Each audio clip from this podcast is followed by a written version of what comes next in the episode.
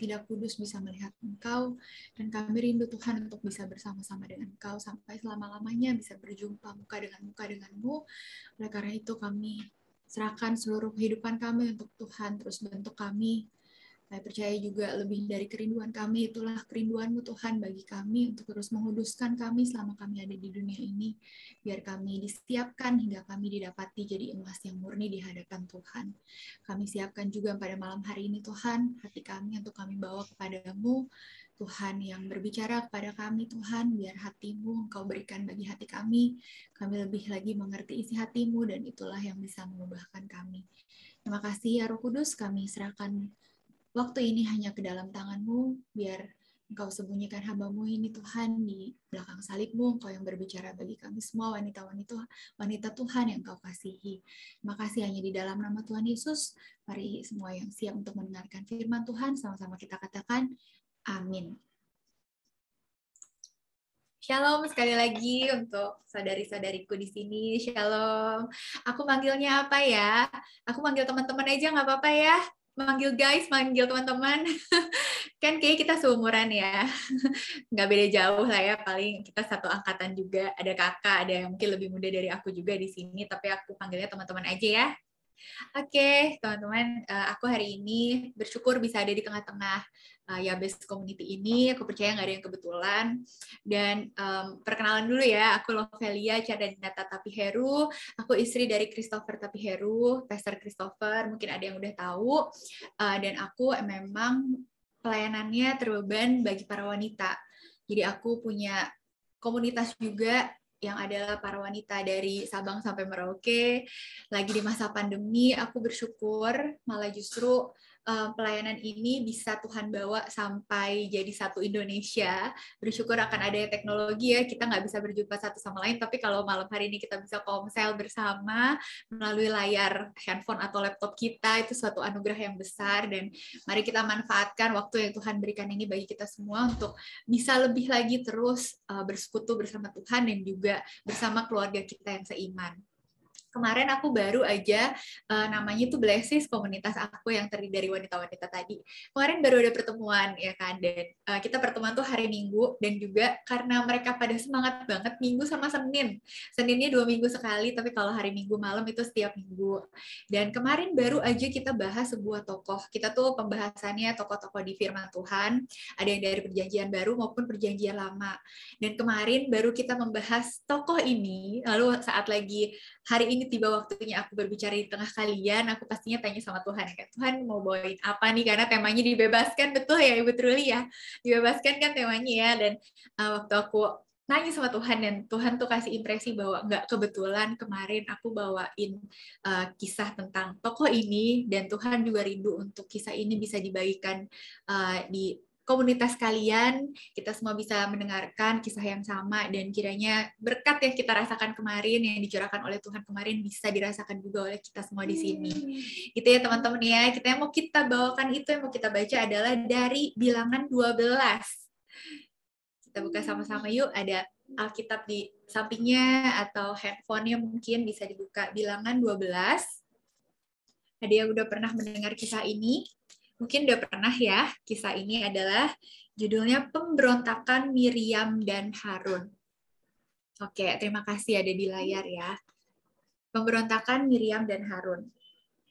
Ini sebenarnya kisah yang cukup mengerikan sebenarnya, teman-teman.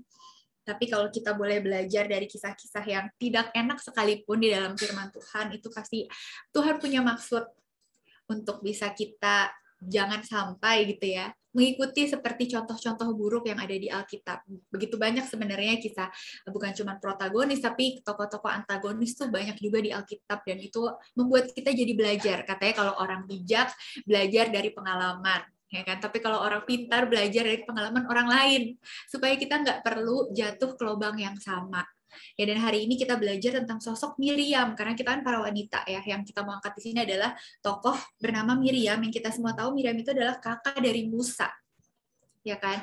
Dan Miriam ini bukan orang sembarangan sebenarnya, teman-teman. Miriam itu adalah seorang nabiah hamba Tuhan. Wah kalau udah dibilang nabiah, bener nggak sih? Kayaknya nggak macem-macem nih sama seorang nabiah.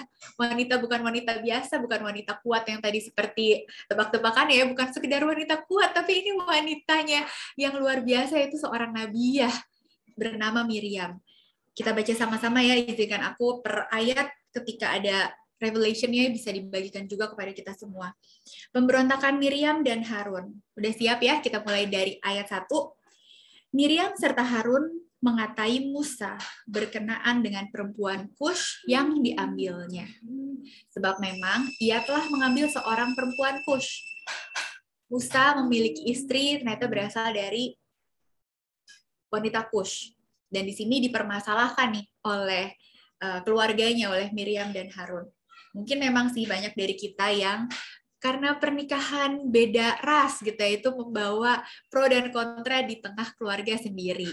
Tapi puji Tuhan walaupun aku memang beda ras juga ya sama suami, pentingnya yang penting sama-sama anak Tuhan. Bukan masalah uh, rasnya apa, suku apa, tapi yang terpenting adalah sama-sama anak Tuhan atau bukan. Dan bersyukurnya dari pihak keluarga karena kita sama-sama berasal dari gereja yang sama, udah saling mengenal satu dengan yang lainnya, ya bersyukur keluargaku dari dulu nggak ada pertentangan sih walaupun didapati beda ras, beda warna kulit ya. Tapi puji Tuhan, uh, Tuhan kasih karunia untuk keluargaku tuh benar-benar bisa menerima keluarganya Kak Kristo juga, Pastor Kristo juga demikian, keluargaku juga gitu. Tapi memang pada umumnya ketika ada percampuran suku dan budaya biasa keluarga itu ada aja ya pertentangannya. Tapi ya semoga kalau yang keluarga sungguh-sungguh di dalam Tuhan, kita benar-benar mengerti bahwa perbedaan suku itu justru Tuhan maksudkan dengan tujuan yang um, tujuan yang besar ya kan? Kalau nggak Tuhan nggak akan kasih budaya yang beda-beda kalau nggak ada tujuannya. Supaya kita lebih lagi saling menerima semua orang dikasih Tuhan apa adanya nggak ada yang dibeda-bedakan sama Tuhan dari warna kulit. Harusnya kita anak-anak Tuhan juga bisa memandang dengan cara yang sama. Jadi jangan ada lagi ya kalau orang Kristen tapi masih rasis gitu ya. Jangan sampai ada. Kalau kita masih rasis artinya kita lagi di posisi melawan Tuhan karena kita membenci Tuhan yang menciptakan perbedaan. Kita harus juga bisa mencintai perbedaan yang Tuhan buat. Dan di sini sebenarnya ternyata ketika dilihat bahwa si Miriam, dan Harun ini mempermasalahkan hal itu, sebenarnya itu cuma kamuflase aja sih. Karena ada satu hal yang sebenarnya jadi masalah utama bagi mereka, lebih di atas daripada Musa mengambil seorang wanita kus, yaitu apa ada di ayat 2-nya. Kata mereka, sungguhkah Tuhan berfirman dengan perantaraan perantaraan Musa saja? Bukankah dengan perantaraan kita juga ia berfirman? Oh, ternyata masalah utamanya tuh ini, teman-teman. Mereka tidak terima bahwa kok Tuhan emangnya bisa ngomongnya sama Musa aja? Sama kita-kita juga bisa dong. Ya kan? Ternyata hal itulah pemicu utama. Makanya ada masalah-masalah lain yang diungkit-ungkit. Seringkali kita gitu nggak sih teman-teman ketika sebenarnya ada sebuah masalah yang jadi masalah pokoknya nih. Dan biasanya sebenarnya masalah pokok itu menyinggung keakuan kita. Ada sesuatu keakuan kita yang terusik sebenarnya tentang orang itu.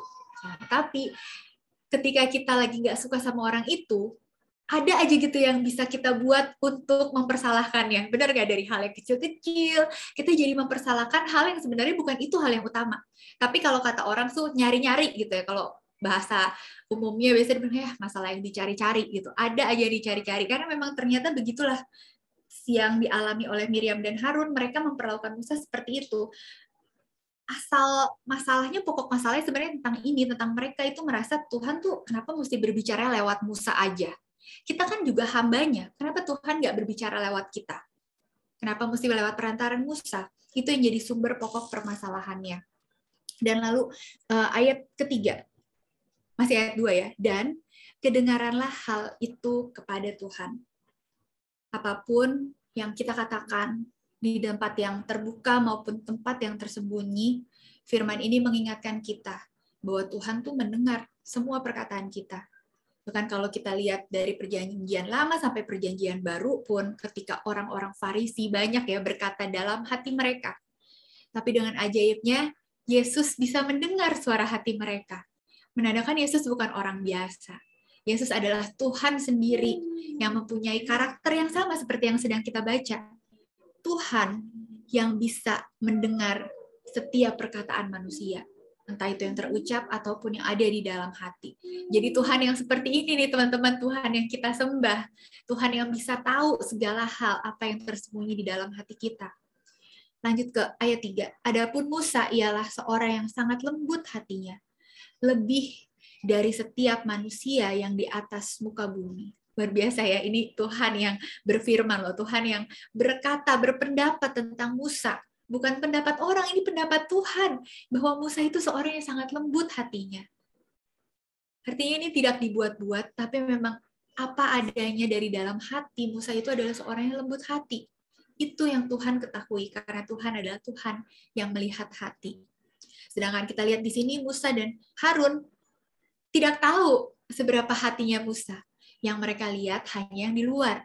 Karena buat mereka, mereka ada kekecewaan-kekecewaan. Mungkin dirasa dengan pemerintahan Musa. Dia terlalu lembek pemerintahannya, ya kan harusnya bisa tegas dikit dong.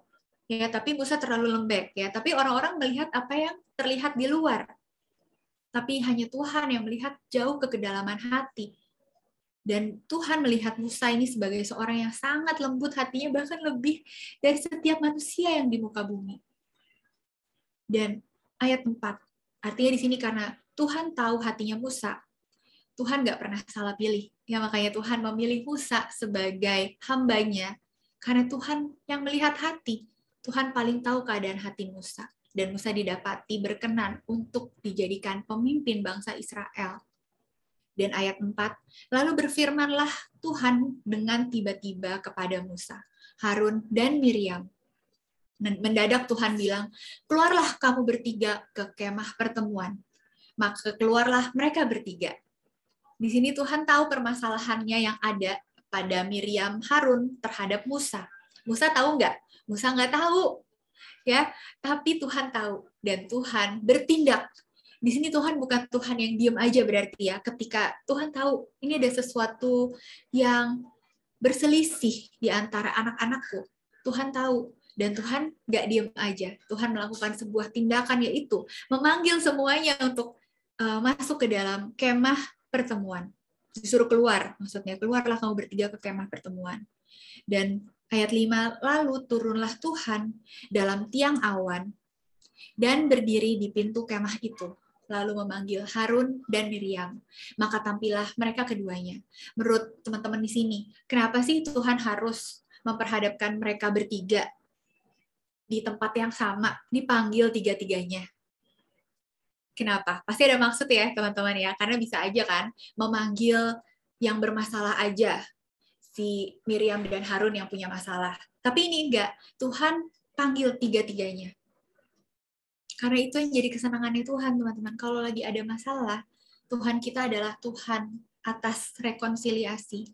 Kita tahu ya hubungan kita terputus dengan Bapa. Tapi Yesus turun untuk memberikan rekonsiliasi kepada kita, hubungan kita dengan Bapa jadi dipulihkan. Jadi Tuhan kita tuh adalah Tuhan atas pemulihan demi pemulihan. Yang pertama makanya dia pulihkan dulu hubungan kita dengan Bapa. Kalau hubungan kita belum dipulihkan sama Bapa, sia-sia hidup kita, ya kan? Kita sedang berjalan di dalam kebinasaan dan kepada kebinasaan. Tapi Tuhan tahu yang terpenting adalah kita bisa ambil bagian dalam kehidupan yang kekal. Makanya hubungan yang telah terputus itu Tuhan pulihkan melalui kedatangannya. Dan dia naik ke atas kayu salib untuk memulihkan, untuk merekonsiliasikan hubungan kita yang telah terputus. Makanya jangan pernah tenang-tenang aja ketika kita tahu ada sesuatu yang terjadi di dalam hubungan kita masing-masing entah di tengah keluarga atau di tengah pelayanan, di tengah pekerjaan. Kalau kita tahu nih ada yang sesuatu sebenarnya nggak enak, saling nggak enak, nggak enak kan nih. Ada perang dingin yang tidak terlihat ada ketidakakuran. Seharusnya kita jangan berdiam diri kayak, ayo ah, udahlah, nggak apa-apa. Nggak apa-apa, lantar juga beres. Kata Tuhan, kalau di firmannya ya, kalau engkau tahu ada keberatan di hati saudaramu terhadap engkau, bukannya di hatimu loh, di hati saudaramu terhadap engkau, tinggalkanlah dulu persembahanmu. Bereskan dulu masalahnya dengan dia. Baru setelah itu kembali untuk memberikan persembahan. Intinya buat Tuhan, hubungan antar manusia itu penting nggak? penting banget. Bukan cuma hubungan sama Tuhan yang penting, hubungan sama Tuhan iya penting karena hukum yang pertama adalah kasihilah Tuhan Allahmu dengan segenapmu. Tapi kata Tuhan dan satu lagi yang tidak kalah penting yaitu kasihilah sesamamu manusia seperti dirimu sendiri. Jadi hubungan kita dengan manusia buat Tuhan di mata Tuhan itu sangat penting. Jangan pernah ada gontok-gontokan, ya ada sesuatu masalah di hati yang belum terselesaikan. Tuhan nggak mau, Tuhan mau selesaikan itu dengan damai dan Tuhan kasih lihat di sini, cara menyelesaikannya bagaimana sih? Kiranya kita menghadirkan Tuhan jadi penengah di antara dua pihak yang berseteru tersebut. Hadirkan Tuhan.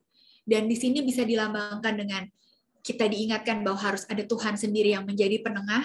Jadi kalau ada Tuhan sendiri artinya apa sih, teman-teman? Kita mengutamakan kepentingan dan kehendaknya Tuhan. Benar kan? Kalau nggak ada Tuhan sebagai penengahnya, yang ada berantem. Karena kepentingan pihak satu melawan kepentingan pihak yang kedua. Nggak ada jalan tengahnya, kita sama-sama mau menang sendiri. Itu dia pentingnya di tengah keluarga pun harus ada sang penengah, yaitu Kristus sendiri ada di antara suami istri. Jadi kalau lagi berantem ya, karena kalau suami istri kayaknya nggak bisa dijauhkan dari pertengkaran ya kan, kayak dari mulai hal yang kecil sampai yang besar, kira-kira kayaknya ada aja gitu ya pertengkaran dan makanya butuh banget ada pihak ketiga. Tapi pihak ketiganya jangan sampai manusia lain ya teman-teman. Pihak ketiganya hanya boleh Tuhan kalau dalam pernikahan. Jadi biarkan Tuhan ada di antara kalian. Kenapa butuh Tuhan menjadi penengah? Karena kalau ada perseteruan antara suami dan istri tersebut, kita bisa ambilnya dari kacamata sang penengah tersebut. Oke, oke, jalan tengahnya nih. Buat Tuhan apa sih yang terbaik? Misalnya yang satu istrinya ngambek mulu ya kan, karena nggak dapet apa yang dia mau, karena suaminya belum bisa memenuhi apa yang dia sukai.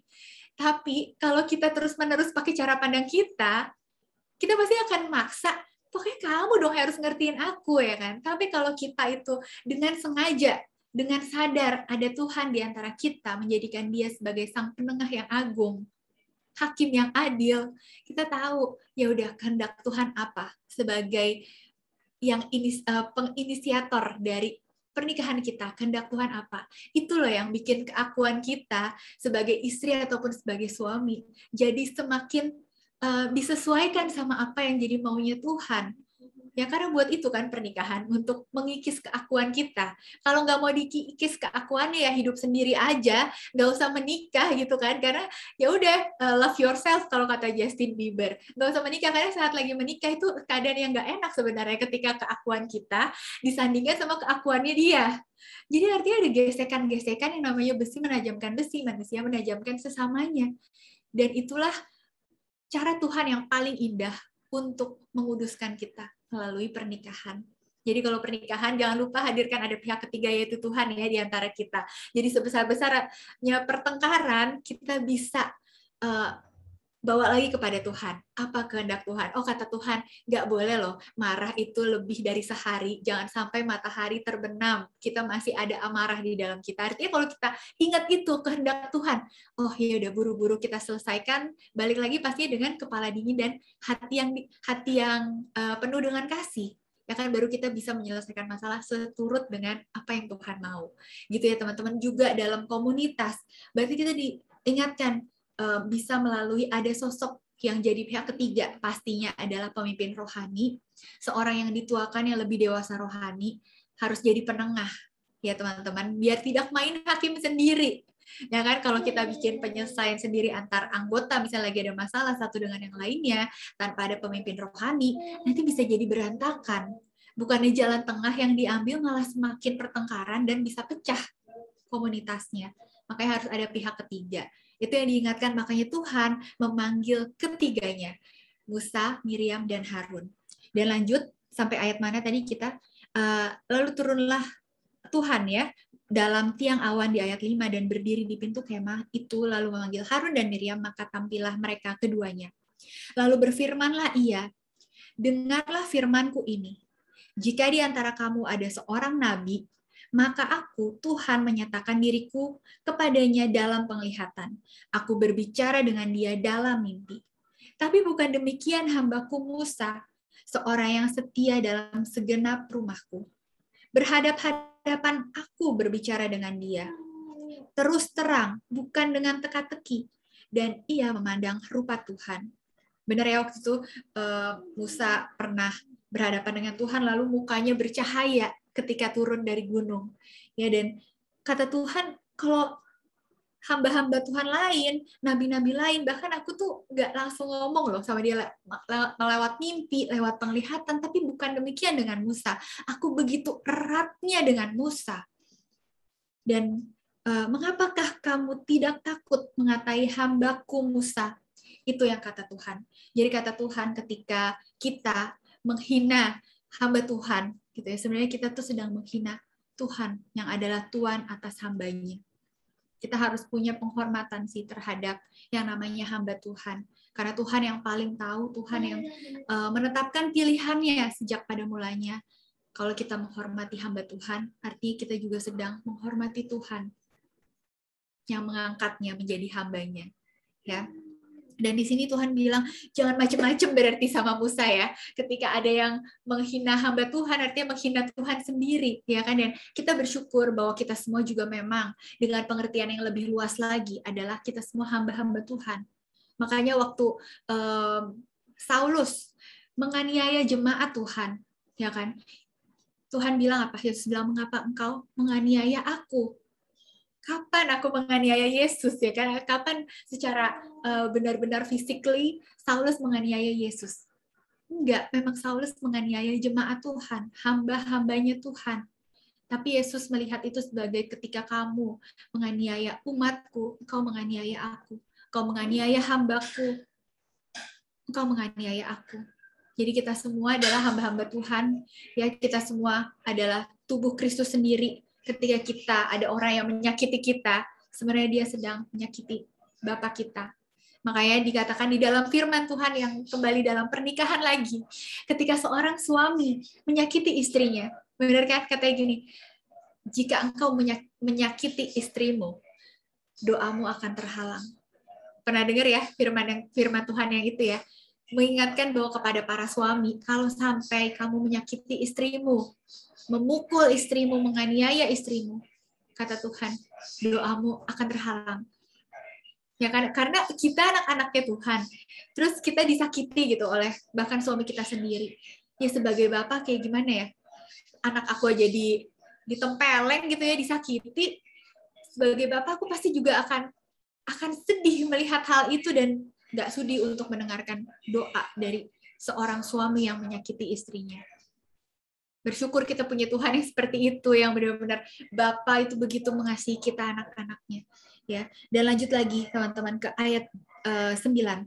Sebab itu apa yang Tuhan rasakan ketika Tuhan melihat ada penganiayaan terjadi, sebab itu bangkitlah murka Tuhan terhadap mereka. Kayak murka tuh lebih di atas marah ya murka gitu. Kalau maici kayak pedesnya lebih lebih pedas gitu dibanding cuma level 2 ini level 1 gitu ya. Kayak murka gitu Tuhan murka. Dan terhadap mereka lalu pergilah ia. Dan ketika awan telah naik dari atas kemah ini luar biasa. Maka tampaklah Miriam kena kusta. Putih seperti salju. Ini dari sehat ya. Sehat walafiat tiba-tiba dia menjadi kusta. Ketika Harun berpaling kepada Miriam maka dilihatnya bahwa dia kena kusta, Miriam kena kusta. Pasti ini sebuah kejadian yang traumatis. Karena kapan lagi terjadi hal seperti ini dari yang sehat tiba-tiba mendadak kusta. Ini kusta kayaknya penyakit yang jauh lebih parah loh teman-teman daripada COVID. Jauh lebih parah.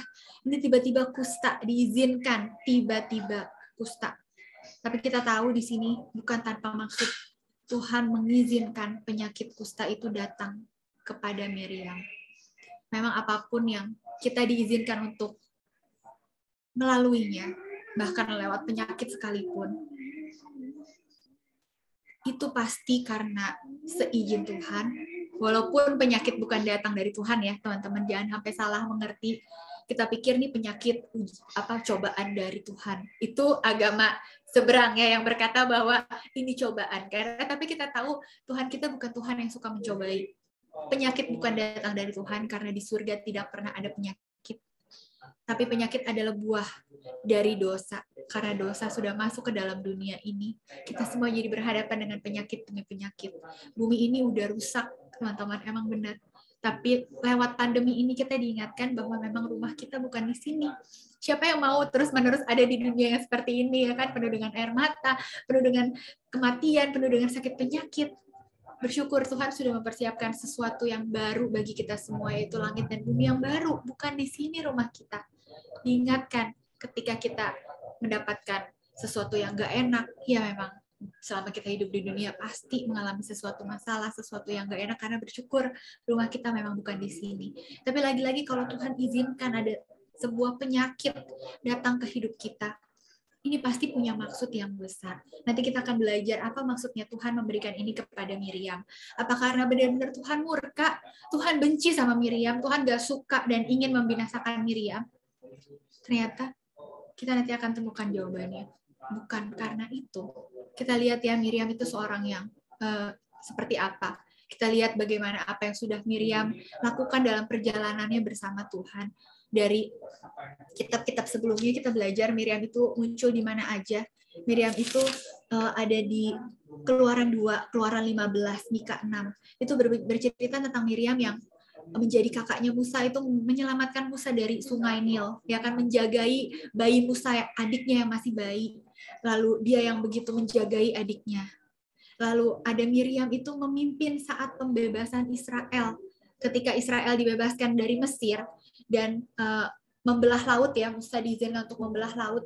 Dan di tengah laut itu, Miriam itu memimpin puji-pujian dengan pujian dan tari-tarian, mengambil rebana dan menjadi pemimpin puji-pujian.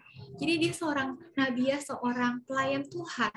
Dan juga di Mika 6 dikatakan bahwa Miriam, Harun, dan Musa itu adalah uh, mereka bertiga adalah pemimpin, promotor, pencetus dikatakan sebagai penganjur namanya. Mungkin bahasanya aneh ya, penganjur, tapi artinya pemimpin atau promotor.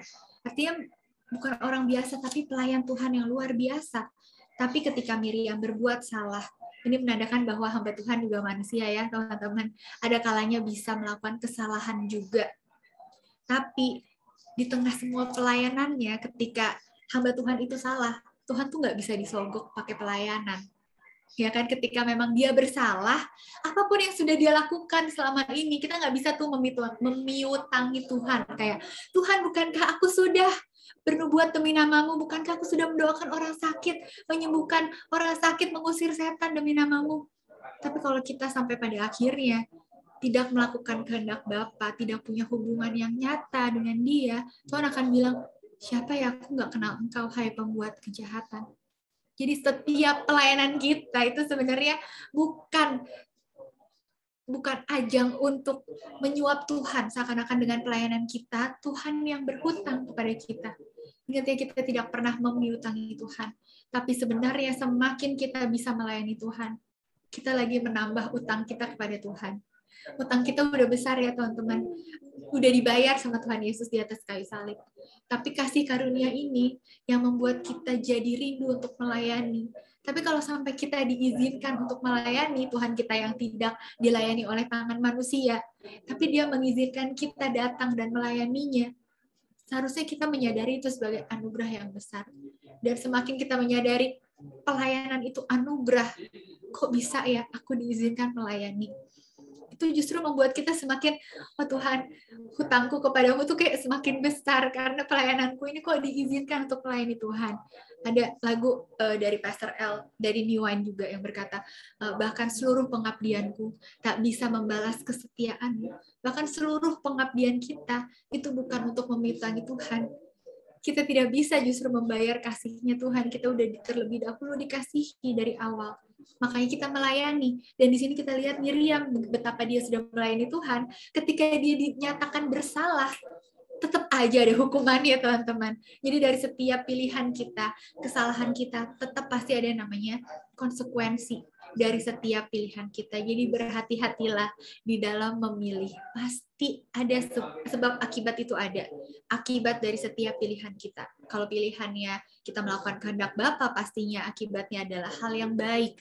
Tapi kalau kita melawan Tuhan, kita tahu akibatnya apa.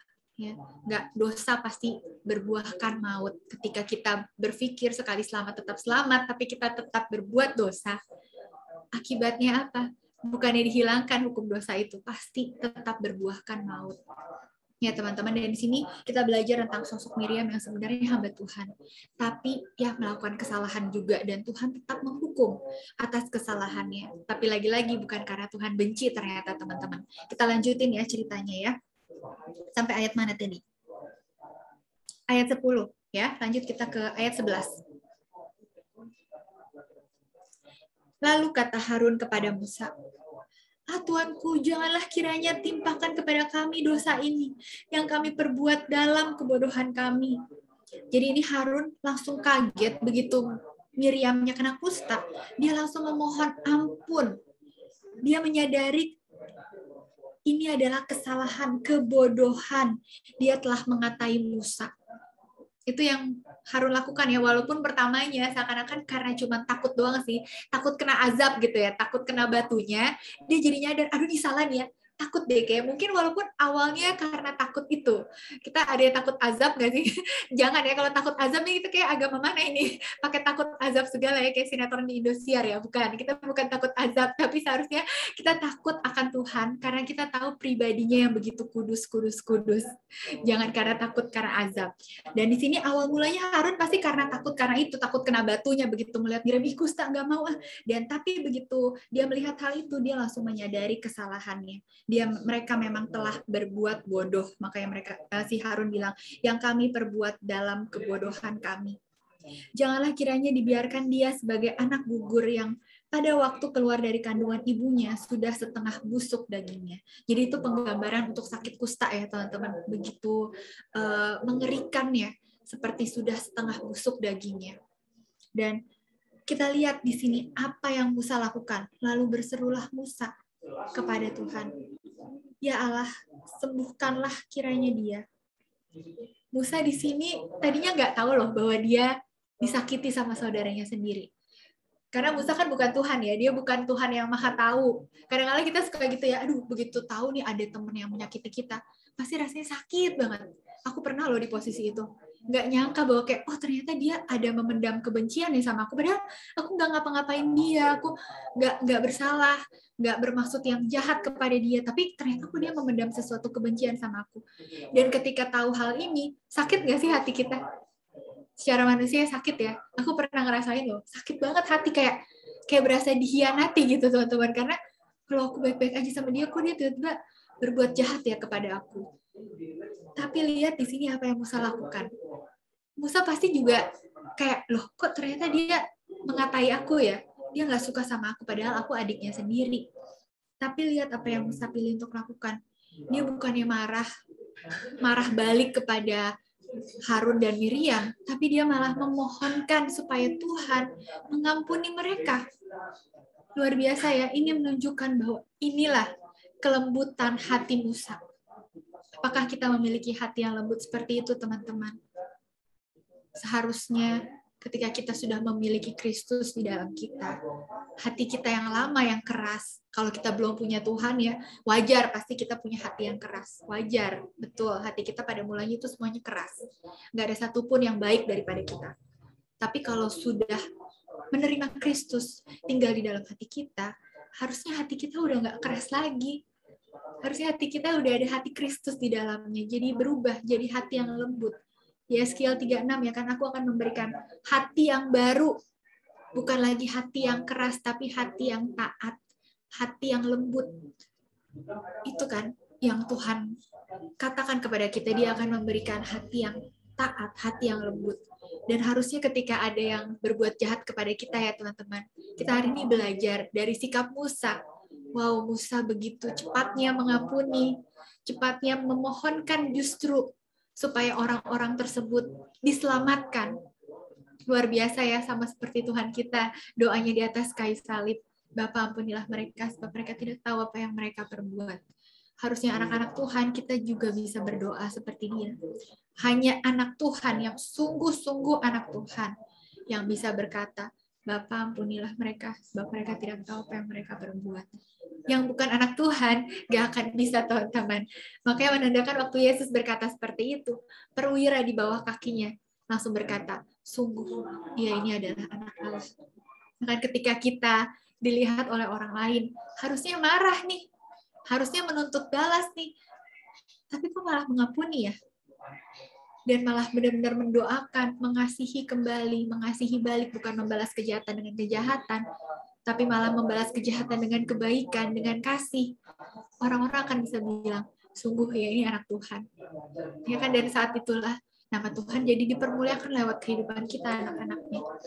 Hanya yang benar-benar anak Tuhan yang bisa berkata, Bapa, ampunilah mereka, karena mereka tidak tahu apa yang mereka perbuat. Itu yang Musa lakukan. Hari ini kita diingatkan dari perbuatan Musa. Dan lalu, kemudian berfirmanlah Tuhan kepada Musa, ayat 14. Sekiranya ayahnya meludahi mukanya, tidakkah ia mendapat malu selama tujuh hari? Biarlah dia selama tujuh hari dikucilkan keluar tempat perkemahan. Kemudian bolehlah ia diterima kembali. Jadi Tuhan menghukum Miriam bukan untuk membuangnya dari bangsa Israel, untuk supaya udah nggak usah nggak usah masuk lagi nanti. Kita buang aja dia, ya bukan untuk itu ternyata. Hukuman atau hajaran yang Tuhan berikan. Bukan karena Tuhan benci ternyata tapi Tuhan izinkan itu supaya pada waktunya nanti kita akan didapati bisa kembali. Jiwa kita justru diselamatkan oleh karena hajaran yang dia izinkan. Kebayangkan kalau kita tidak pernah diproses sama Tuhan, ketika kita salah, kita masih dengan kehidupan yang lama, terus kita dibiarin sama Tuhan. Justru itu namanya Tuhan nggak sayang. Ya kan seorang orang tua, kenapa nasehatin anaknya? Nasehatinnya bahkan sampai kayak sampai kayak kalau dia nggak ngerti-ngerti juga kita jadi marah ya kan. Ayo dong dengerin mama kamu nggak boleh kayak gitu. Dan itu apakah karena benci sama anaknya? Atau uh, seorang ayah uh, memberi pelajaran mungkin terlalu nakal anaknya dan dipukul pantatnya gitu ya kayak nggak boleh begitu. Ya justru itu seorang ayah yang sungguh-sungguh ayahnya. Karena ya tetangganya nggak boleh ya kan. Masa tiba-tiba tetangga pukul anak kita nggak boleh. Tapi ayahnya beneran ayahnya boleh. Karena kita tahu itu karena sayang bukan karena benci dan ketika seorang ayah mendisiplin anaknya, itu bukan karena benci ternyata, justru karena sayang.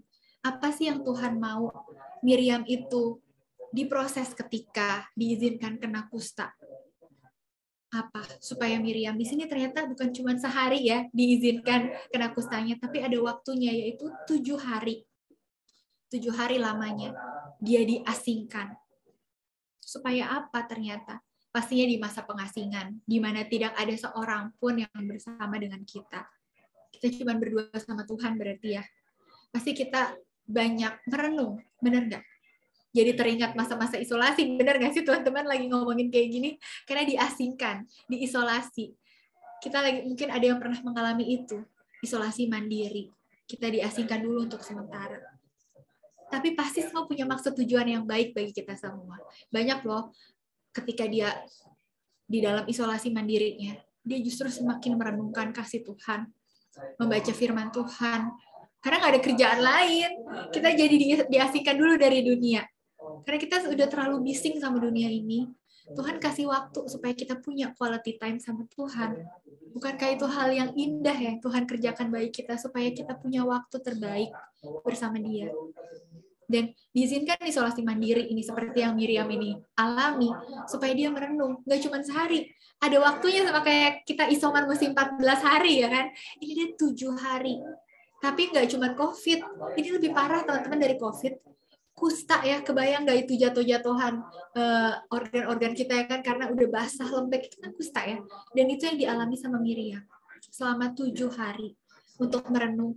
Dan ketika seorang sebenarnya menghakimi di sini judulnya sebenarnya Miriam, semangat menghakimi.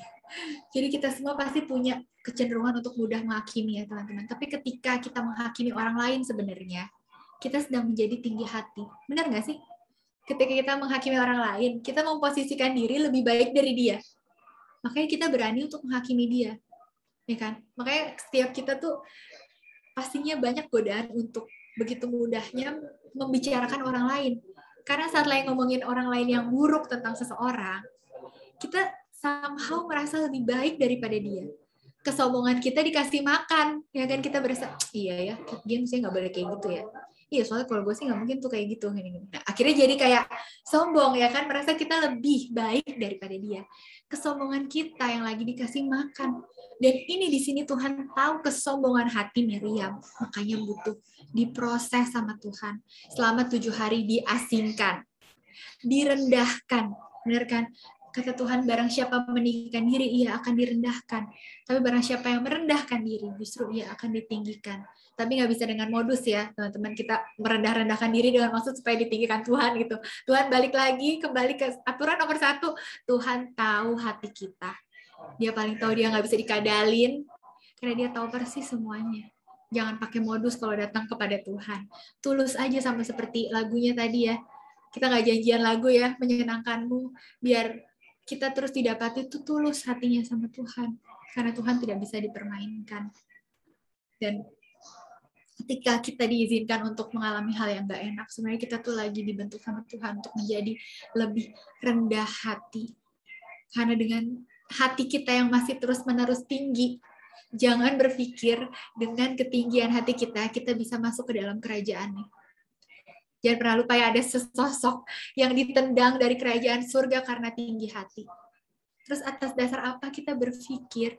Iblis yang dilempar dari surga karena dia tinggi hati. Terus kita berpikir bahwa kita bisa naik ke surga, kita bisa sampai ke surga, diterima di surga dengan hati kita yang masih terus-menerus sombong.